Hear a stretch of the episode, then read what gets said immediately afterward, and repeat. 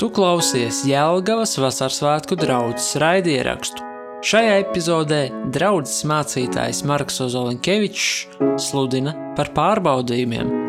Dievs mīl savus bērnus, un tāpēc viņš pārbauda, māca un pārmāca. Pasaulē ir savādāki uzskati par audzināšanu, bet Dievs nevadās pēc pasaules standartiem. Pārbaudījumos mēs ieraugam savas vājās vietas un kļūstam pazemīgāki. Ne mēs ar saviem darbiem viņa priekšā varam ko panākt, bet mēs esam viņa darbs, radīti labiem darbiem.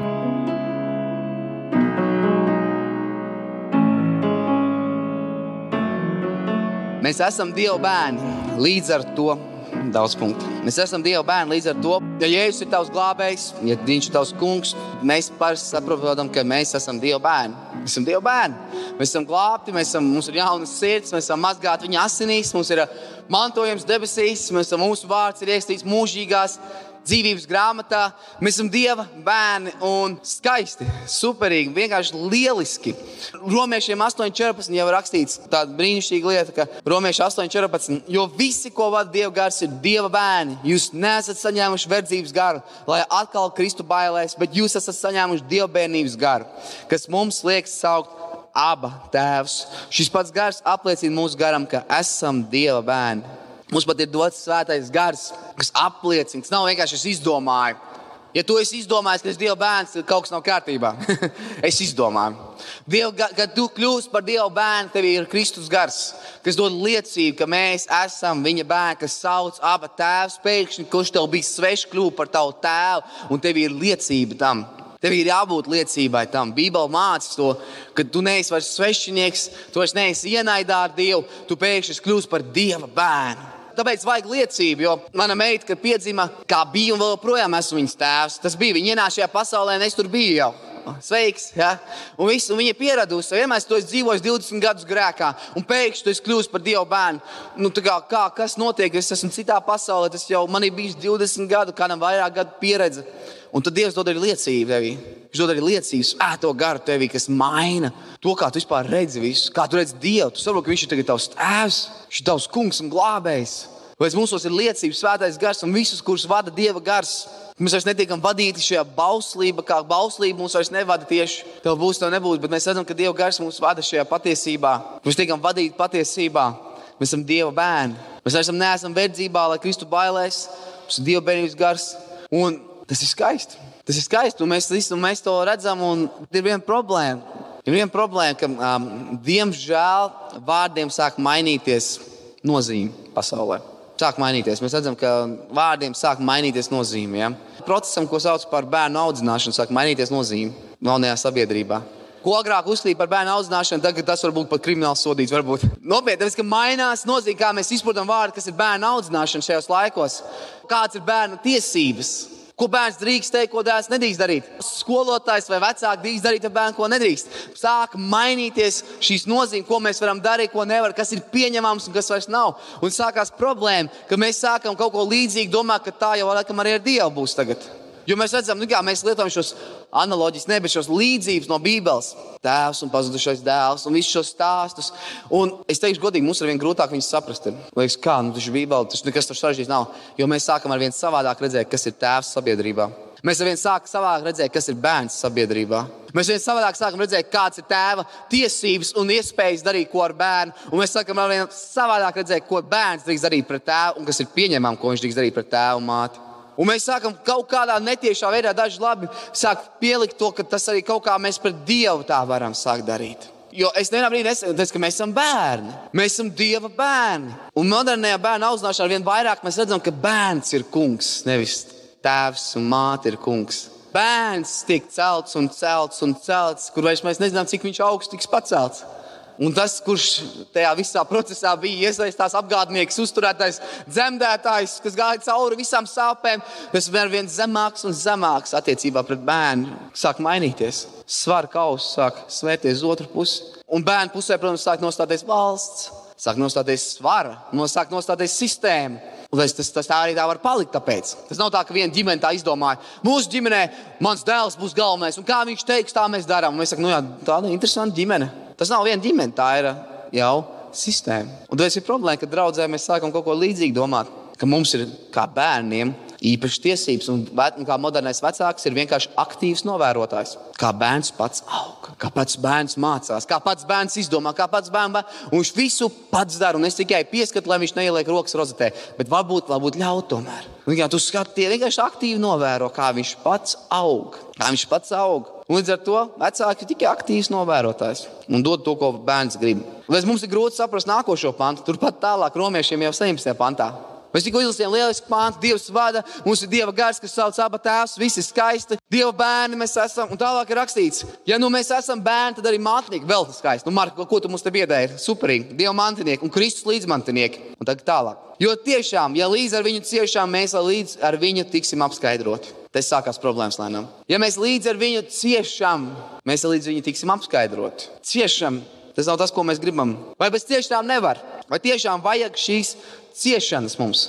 Ebrejiem 12, 3 līdz 7. Ņemiet vērā to, kas panes tādu pārestību no grēciniekiem, lai jūs nepiekūstat savā dvēselē pagurdam. Jūs vēl neesat līdz asnīm pretim turējušies, cīnīdamies pret grēku. Jūs esat aizmirsuši pamācību, kas jūs kā bērnus uzrunā. Mans bērns nenicina tā kunga pārmācību un nepagūst, kad viņš tevi norāja. Jo ko tas kungs mīl, to viņš pamāca un šaus katru bērnu, ko viņš pieņem. Pacietība pārmācība. Dievs izturas pret jums kā pret bērniem. Jo kur ir bērns, ko tēvs nepārmāca? Jā, ir daudz bērnu šobrīd. Arvien vairāk, kurus nedrīkst pārmācīt, kurus nedrīkstēs un vēl vairāk nedrīkstēs pārmācīt. Būs, vairosies. Tad rakstīts, bērni būs nepaklausīgi vecākiem pēdējās dienās. Viņu varēs būt nepaklausīgi, un tas būs labi, ka viņi ir nepaklausīgi, jo tos atbalstīs viņus sistēma būt tādiem. Tas viņus atbalstīs. Bet viņi varēs brīvi būt nepaklausīgi vecākiem. Viņi varēs brīvi to darīt, un tas būs atbalstāms un aizsargāts ar likumu. Bija vēl piepildās. Tas nav vienkārši nepaklausīgi, viņi būs pēcpaklausīgi, bet viņi būs pareizi tajā ziņā pret sistēmu. Viņi tā drīkst būt. Vecākam nebūs vara. Tas bija tas, kur bērns, kur nepārnās. Šis autors ebrejiem raksta, tad, tad vēl tāda eksistēja lieta, ka vecākiem tomēr ir. Viņš stāv pāri bērnu. Viņš tomēr stāv viņam uzdevums ir audzināt bērnu, nevis novērot bērnu. Novērot, nevis tas nav uzdevums, tas viņa mērķis ir iesaistīties aktīvā audzināšanas procesā, kas nozīmē gan atalgot, gan arī pārmācīt. Un bija rakstīts, jo ko tas kungs mīl, to viņš pārmāca un šaus katru bērnu, ko viņš pieņem. Katru bērnu, ko viņš pieņem, nevis ļaunos, nevis spītīgos, nevis tos no, tādus, kurus uh, knapi gribētu pieņemt. Labāk nebūtu ņēmis, bet nu jāņem, viņš nožēloja grēkus, es viņam. Nu, ko man darīt? Tāpēc es viņu šaustīšu vēl. Nē, katru bērnu, ko viņš pieņem. Katru bērnu, ko viņš pieņem, tas ir Dieva prāts. Es, es ticu, ka pienāks laiks, kad mēs redzēsim, ka Dievs kā tēvs neizturās pareizi. Mēs teiksim, kādi. Mēs sāksim teikt, ka Dievs kā tēvs, jo mums būsim pieraduši pie šīs jaunās vecāku bērnu sistēmas. Protams, tagad ir grūtāk, jo ir vecā paudze, kur vēl atcerās, ko var un ko nevarēja. Bet tad vēl paies vēl 20 gadi, vēl 30 gadi, un tas jau būs aizmirsts. Tas būs aizmirsts, ko varēja un ko nevarēja. Par to mēs lasīsim vēstures grāmatās. Kā ak, tie dzīvnieki, tie vecāki agrāk. Kā viņi tā varēja? Izskatās pēc ēdzības verdzības, kura pātagām tur skraida pakaļ tiem vergiem. Ja? Nabaga bērni, nabaga bērni. Lasīsim, kā tādu šausmu stāstu, kā agrāk vecāki audzināja bērnus. Jau tagad reizēm lasa, jau agrāk kā bija, bet nu, tad būs vēl bērniem, bet nevarēs lasīt tādas lietas. Traumu varēs dabūt, kā agrāk izturējās, kā, var, kā ko drīkstēja, ko nedrīkstēja. Un mēs domājam, ka tikai Abrahāms tika pārbaudīts. Nu, tikai Abrahamam bija šis pārbaudījums. Īzaka ņem savu dēlu, Īzaku, ko tik ļoti gaidīja, ko es to biju solījis, ejam un upurē viņu man. Domāju, ja mēs tikai domājam, ka tikai Abrahams bija tāds nepilnīgs vīrs, kuru vajadzēja pārbaudīt, un mēs esam tie, kas ir pelnīgie, perfektie kur var tikt bez pārbaudījumiem cauri. Mums viss ir kārtībā, es esmu pazemīgs, esmu lēpātīgs, esmu pacietīgs, esmu priecīgs, mīlestības, piedodošs un vispārējais. Es saprotu Dievu pilnībā un visus viņa ceļus, un nevienā brīdī negriežu ne pa labi, ne pa kreisi. Dzirdu viņa čukstus un visu pārējo. Un katru viņa vārdu, katru viņa pavēlu pieņem ar prieku un pateicību, lai ko tas man maksātu, vienmēr un visur. Es gribētu, lai mēs tādi būtu. Bet tur tā lieta, ka katru, ko viņš pieņem, katru, ko viņš pieņem, katru, ko viņš ņem savā draudzē, katru, ko viņš pieņem savā ģimenē, viņš paņem, pārmāca.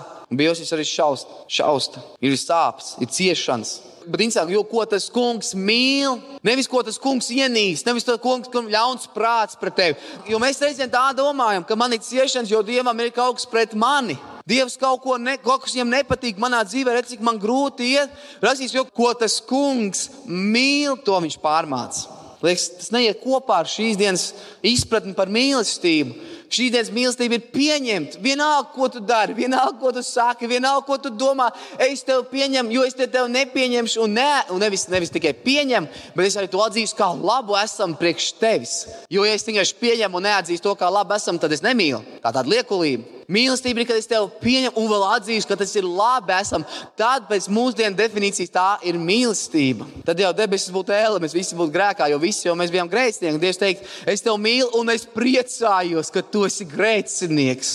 Tas tev labi ir, ka tu esi grēcinieks. Pēc mūsdienu tā Jēzum būtu jāsaka par mums. Tas ir labi, ka tu esi grēcinieks. Man prieks, ka tu esi alkohola atkarīgs un izpostījis savu ģimeni. Turpini savā alkoholā dzīvot, turpini savā verdzībā dzīvot, jo es tevi esmu pieņēmis un mīlu. Tā ir mūsdienu mīlestības definīcija lēnām pieņemšana un atzīšana, ka tas ir labi, esam priekš tevis. Jo, ja es tev kaut ko gribēšu mainīt, ja es tev ieteikšu, ka kaut kas tev jāmaina, es sāku iejaukties savā privātajā telpā, es sāku kaut ko noteikt, es sāku uzvesties kā kaut kas.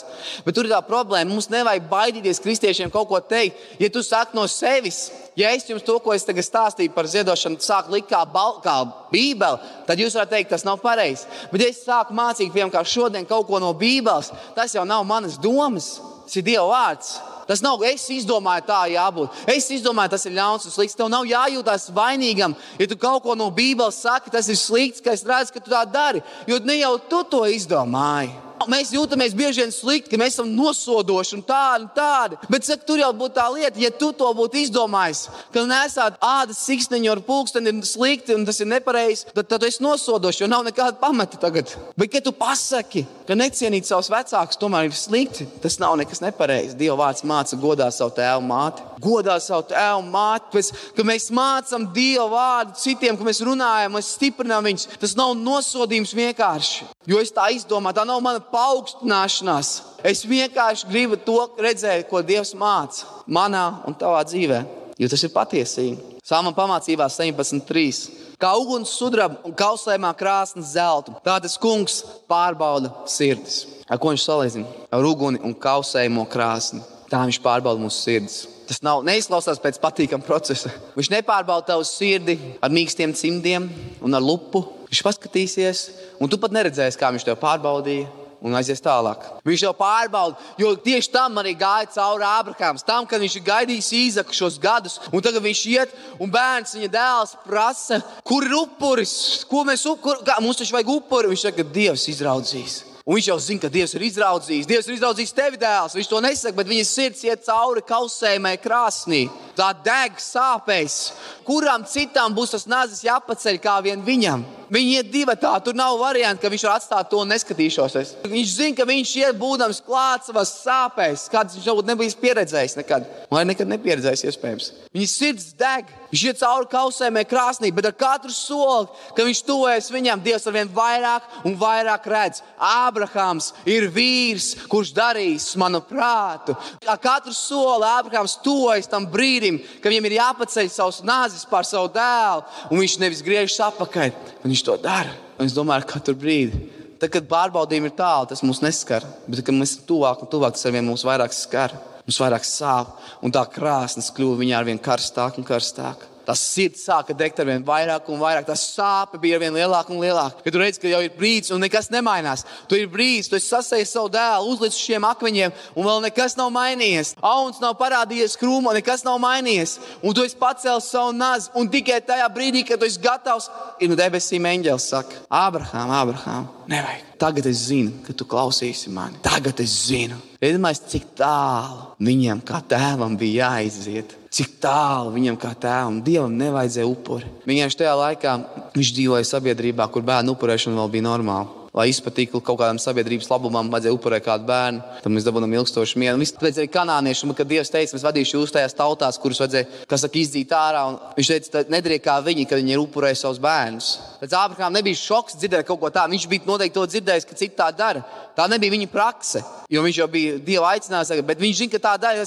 Tas nebija šoks kaut kas no malas dzirdēts, kā var kādu upurēt savus bērnus. Ja kādam no jums piemēram, Agris iznāk priekšā un saka, klausieties, draugs, no tā kunga saņēmu, mēs šovakar upurēsim Marku. Jūs visi saprotat, ka vēlams ar viņu runājas. Nu, tur nav variantu. Tur, tur neviens neteikt, nu vēl viens Ābrahāms mums ir. Ja?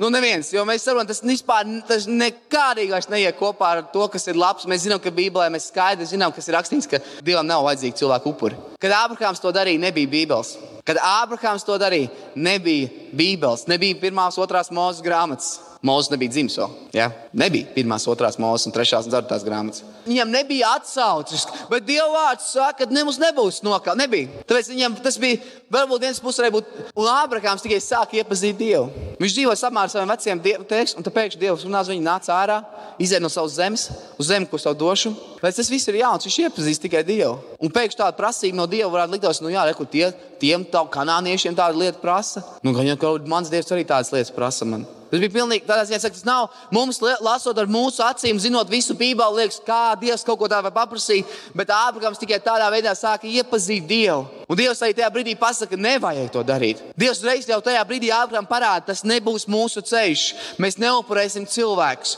Man ir izredzēts, saka šī Morija kalna, ka mēs zinām, tālāk aiziet tēmas, ka mēs zinām, šī ir vieta, kur izredzē. Un tālāk mēs simbols redzam, ka Jēzus tiek izraudzīts. Bet tagad viņš saka, auns, tagad šim brīdim būs auns. Mēs izņemam no krūmiem, tur bija iesprūdis ragiem, laikam ieķēries. Un nebija jāupurē nekāds īzaks. Viņš kā tēvs gāja cauri kausējumai krāsnī. Viņš gāja cauri un līdz pat pēdējiem brīdim. Kad tu zini, ka tu izdarīsi maksimumu, tad es mēģinu reizēm iet, pievilkties, mēģinu atgūt kaut kādu jaunības, vismaz kaut kādu, kaut kādu muskuļu iedarbināt. Es, es zinu, ka, es zinu, ka pēdējā reizē, kad es izdarīšu visu, tad, kad es jau pavalkos un nokrītu.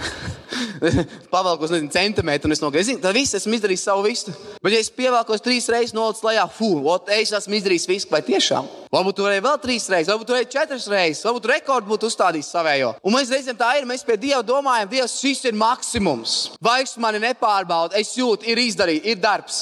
Ābrahams varēja iet līdz brīdim, kad tagad jau, nu, ir labi, Dievs, tu laikam gribēji man pārbaudīt, vai ne? Jā, rekur jau izsaks uz galda, viss kārtībā. Nu, nāc, es necaušu, tur jau nav vērts. Līdz pēdējiem brīdim Dievs zina, kad ir beigas. Dievs zina, ka viņš tevi ir pārbaudījis. Viņš zina to galu, viņš zina to limitu. Tas, tas nav tikai Abrahams, kur Dievs pārbauda. Tas nav tikai Abrahams. Mēs visi ejam tam cauri. Mēs visi ejam cauri šai krausējumai, krāsnī un ugunim. Jo Dievs 5. mūzika 8.2 ir teikts, un piemin visu to ceļu, par kuru tas kungs tavs Dievs tev ir vadījis, tūkstnesī visus šos 40 gadus, lai tevi pazemot un lai tevi pārbaudītu, lai viņš zinātu, kas ir tavā sirdsprātā, vai tu viņa balsus turēsi vai nē. Kas ir tavā sirdsprātā? Vai tu turēsi Dieva vārdu? Vai tu būsi uzticams līdz galam? Vai es tev varu dot kalpošanu? Vai es tev varu dot cilvēkus dzīvē, par kuriem rūpēties, par kuriem būt nomodā? Vai es tev varu dot? Es gribu pārbaudīt tevi vispirms. Es gribu iest tev cauri kausējumai krāsnī. Tas nav cauri spā kurortam. Mēs gribētu, lai Dievs mūs ved cauri spā kurortam. Mēs esam atpūtušies, izmasēti, nomazgāti. Dievs, tagad esmu gatavs tev kalpot. Esmu mācījies tavu žēlastību un tavu labestību. Tagad esmu gatavs iet cauri grūtībām. Nē.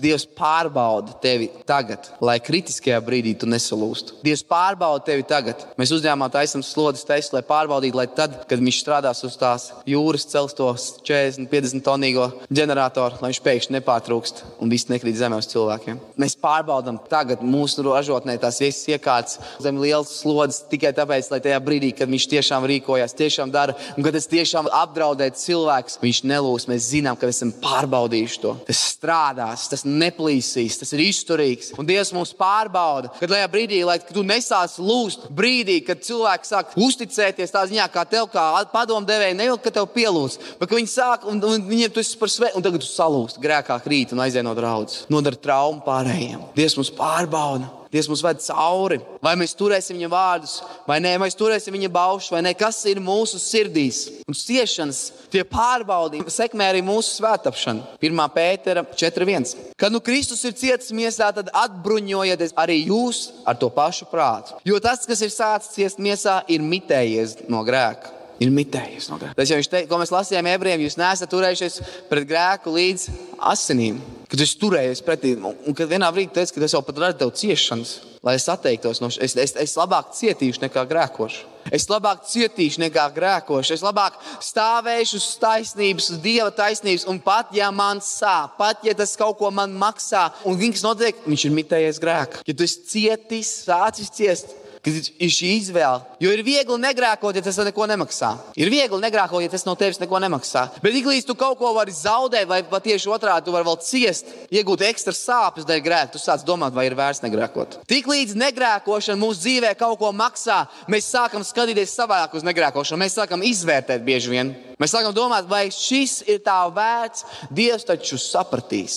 Viņš taču redz mani. Viņš taču zina, ka es gribu negrēkot, bet ir tāda situācija, un nav cita ceļa. Ko Dievs mīl, to viņš pamāca un pārmāca un viņš šaus katru bērnu, ko viņš pieņem. Neaizmirst to. Tad nozīmē, ka tavā dzīvē nāk izvēles brīdis par grēku, un tev liekas, tas jau prasīs pilnīgi nostāvēt un pat kādā ziņā ciest. Tu nesaki, ka Dievs sapratīs, es par grēku. Viņš saka, es nesaprotu, ka, kā, kā, kā Dievs nesaprot. Jo Dievs atklāja savā vārdā, ko viņš mīl, to viņš pamāca un pārmāca un šaus katru bērnu, kas ir, kas ir cietis līdz ar Kristu. Tas ir rakstīts, apbruņojieties arī jūs savus prātus, ka tam, ta, tas ir normāli, ka tu, ka tu tam esi gatavs, ka tu tam gatavs. Jo, ja tu tā nedomā, ja tam tā, tas nav pat variants, tad tu nebūsi gatavs tam. Dieva māca, apbruņojieties arī jūs ar to pašu prātu. Tev tas jāsaprot, tas tā būs. Tā būs, tāda pārbaudījuma būs, kas liks man izvēlēties, un, Dievs, un Dievs lietos, tie būs Dieva dot pārbaudījumi, lai redzētu, kas ir manā sirdsprātā, un lai kritiskajos brīžos es nesalūstu. Pārbaud tevi tagad, pārbaud tevi tagad.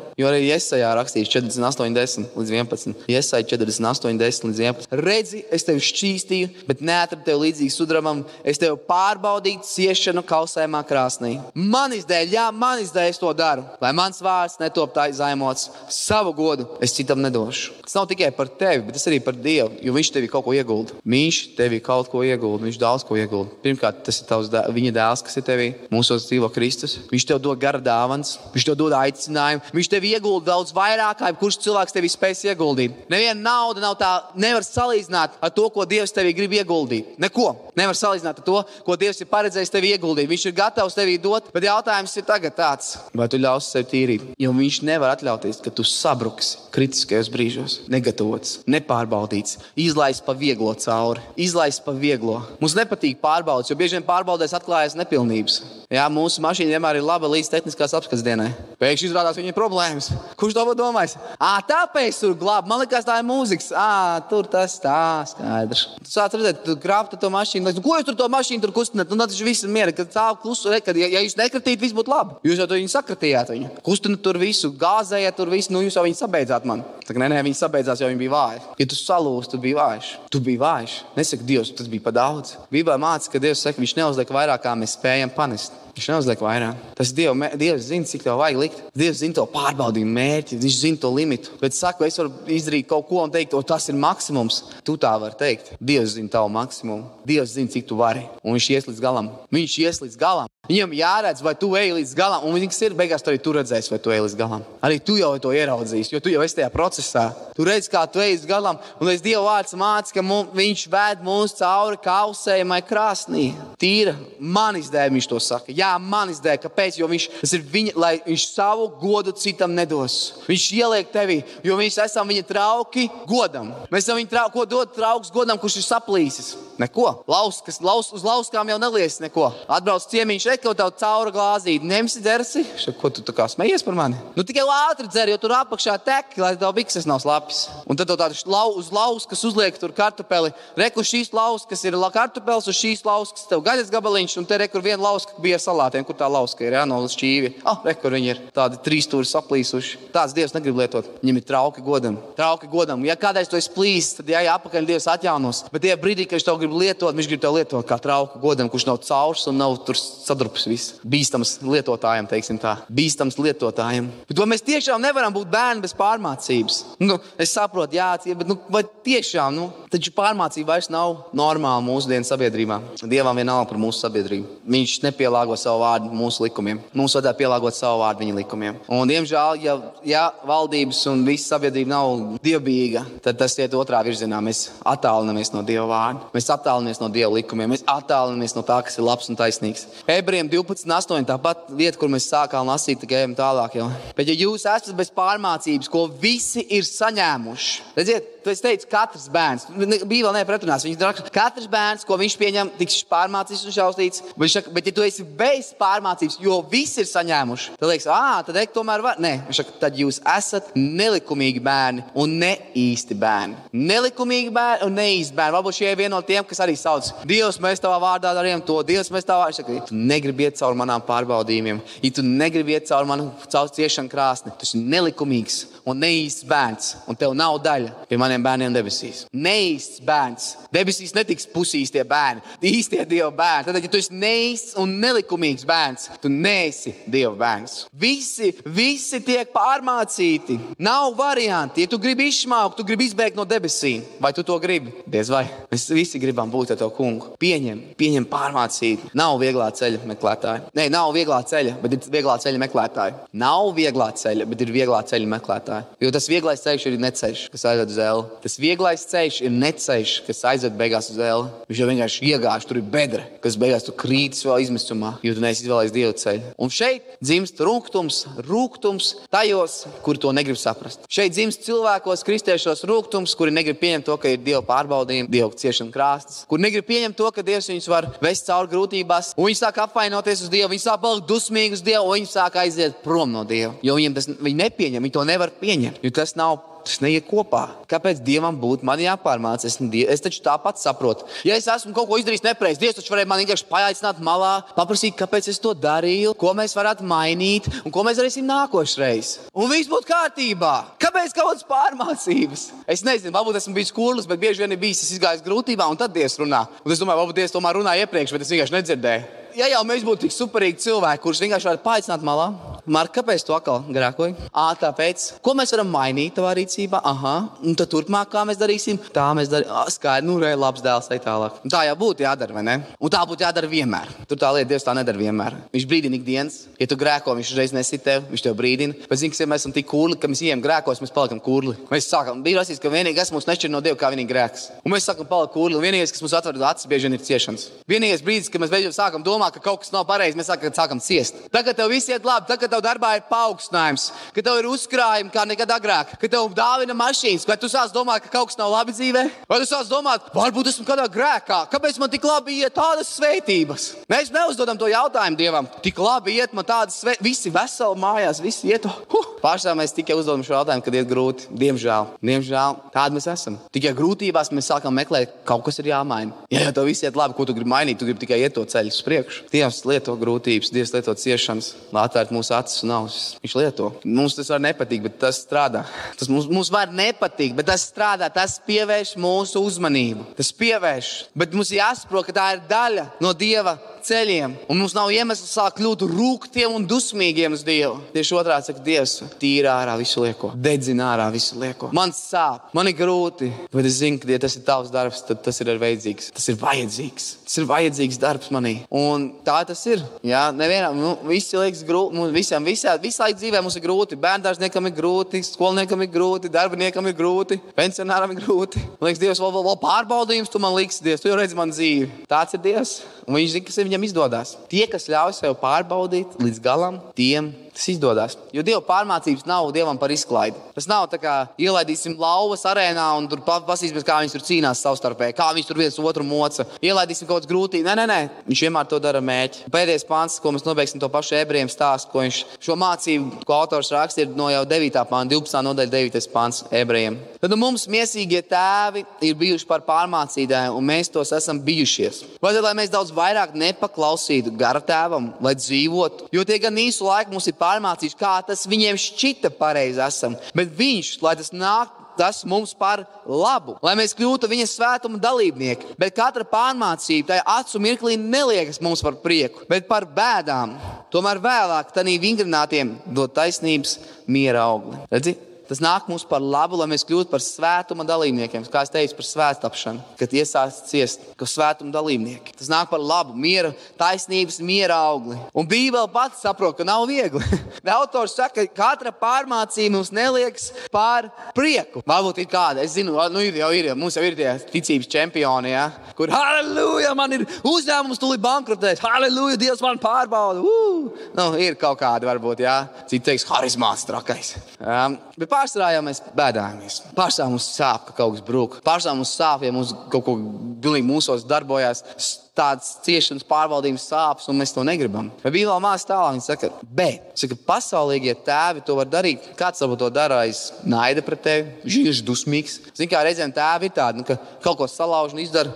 Viņš arī uz zīstāvu visu, un protams, un viņš tieši dusmās to pasaka. Vai tas bija labākais sots? Nezinu. Varbūt viņš tur izstāv aiziet un spēlē telefonu. Jā, baigais sots. Tad, tad, viņš bērnu paradīze. Viņš tur sēž un telefonā. Viss kārtībā. Tēvs nu gan baigs sodīt mani. Jā. Tēva sodi nevienmēr ir pareizākie. Nevienmēr ir tie pārdomāti, jo bieži vien mēs sodus dodam emocijās. Mēs esam sakaitināti, nokaitināti, dusmīgi, un tad mēs kaut ko izdomājam. Tagad. Dari tā, vai nedari to, vai tu nedrīkst darīt šo un to. Un Dievs bija vārds mācīt, jā, mēs, nu, kā mums tas šķita pareizi. Šķita, bet kad Dievs mums pārbauda, viņš to dara pareizi. Kad Dievs mums pārbauda, viņš to dara pareizi. Kad viņš zina, viņš nevis kaut ko emocijās tev pasaka, Mark, viss tagad tev atlaidīs, viss, lai tu padzīvo bez darba kādu laiku. Vienkārši tāpat vien. Jo man, es pat īsti nezinu, ko es gribu tev iemācīt ar šo pārbaudījumu dzīvē. Gan jau izdomāšu, gan jau radīsies kāda ideja, kaut ko pārbaudīšu tev tev. Nekad nav tāds, tā Dievs nedara, ka Dievs pārbauda. Viņš zina, kāpēc viņš pārbauda. Viņš zina, ko viņš grib pārbaudīt manī. Viņš zina, ko viņš grib redzēt manī, lai nāk ārā. Varbūt tās ir dusmas, varbūt tā ir nepiedošana, varbūt tā ir lepnība, ātrsirdība. Vienalga, ko viņš grib manī pārbaudīt, viņš zina, viņš ar to un, ar mē, un tas pārbaudījums ir tieši ar mērķi, lai to celtu ārā manī. Un zini, kā viņš to bieži vien ceļ ārā, viņš vienkārši sāc to darīt. Tu sāc būt dusmīgs, tas, un liekas, kur no manis tas radies? Tas laikam tas vēlns. Nē, nē, nē, tas, tas, tas tu, tu dusmojies. Un vienīgais, ko tagad var darīt, ir lūgt Dievam atdošanu. Dievs, es redzu, es redzu, ka man ir dusmas. Dievs, es redzu, ka es esmu nepacietīgs, nepateicīgs. Dievs, nebija pamanījis, cik lepns es esmu. Dievs, piedod man, Dievs, maina man, pie, mazgā man. Es nebiju iedomājies, ka manī vēl tādas vispār nepilnības ir. Un ja daudzreiz mums ir šoks par to, kas lien ārā grūtībās. Jā, tā kā tagad kādam cilvēkam man darbā viņam klepus vai kas tur ilgi nevar atrisināt, un, sāk taisīt pārbaudīt, un tur sāk līst ārā holesterīna, viss kaut kas, un vēl kaut kas lietas, ko viņš pat negribēja pārbaudīt. Un sāk līst ārā. Viņš saka, vēl kaut kādas problēmas, vēl kaut kas problēmas. Tas vienkārši sāk pārbaudīt. Vienkārši sāk pārbaudīt, un tas sāk pamanīties, ka Dievs tev pārbauda, tu sāc pamanīt lietas, kur, par kurām tu pat nebija domājis. Tev likās, ka viss ir stīgā, viss ir sviestu.